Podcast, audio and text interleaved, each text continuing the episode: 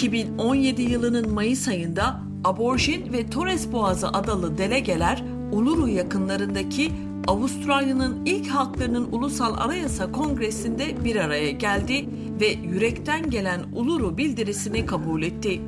Avustralya Anayasası'nda değişiklik öneren bildiri, Avustralya'nın ilk halklarının anayasal olarak tanınması, gerçek, adalet ve kendi kaderini tayin etme hakkını temel alan ileriye dönük bir gelecek amaçlıyor.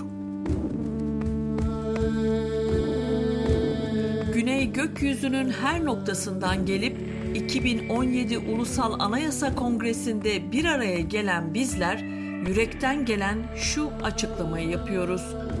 Aborjin ve Torres Boğazı adalı kabilelerimiz Avustralya kıtasının ve ona komşu adaların ilk egemen milletleriydi ve kendi yasalarına ve geleneklerine göre bu topraklara sahipti.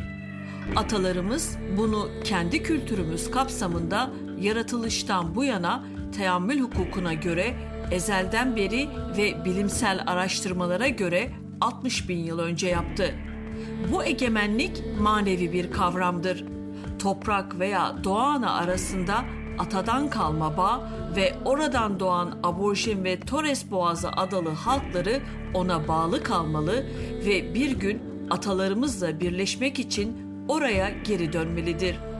Bu bağ toprak mülkiyetinin veya daha da önemlisi egemenliğin temelidir.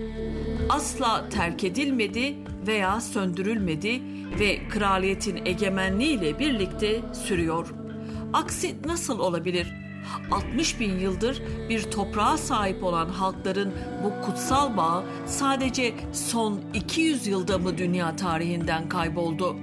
Kapsamlı yapısal reform ve anayasal değişikliklerle birlikte bu kadim egemenliğin Avustralya ulusunun tam bir ifadesi olarak parlayabileceğine inanıyoruz. Oransal olarak gezegendeki en hapsedilmiş halkız. Biz doğuştan suçlu olan insanlar değiliz. Çocuklarımız ailelerine eşi görülmemiş oranlarda yabancılaşıyor. Bu onları sevmediğimiz için olamaz ve gençlerimiz şoke eden sayılarda hapsediliyor. Oysa gelecek için umudumuz olmalılar. İçinde bulunduğumuz krizin bu boyutları sorunumuzun yapısal doğasını açıkça ortaya koyuyor.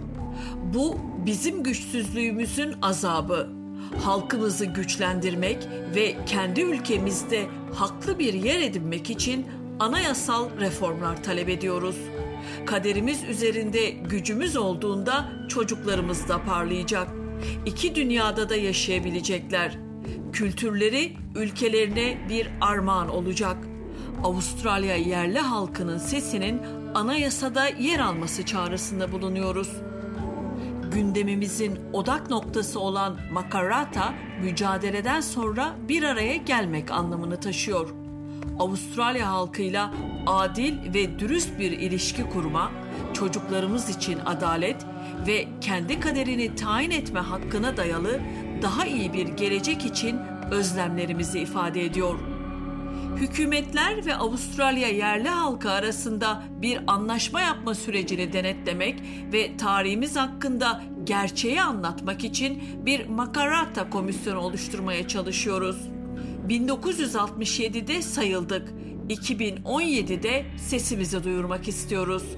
Ana kamptan ayrılıyor ve bu geniş ülkede yürüyüşümüze başlıyoruz. Sizi daha iyi bir gelecek için Avustralya halkının bu yürüyüşünde bize katılmaya davet ediyoruz.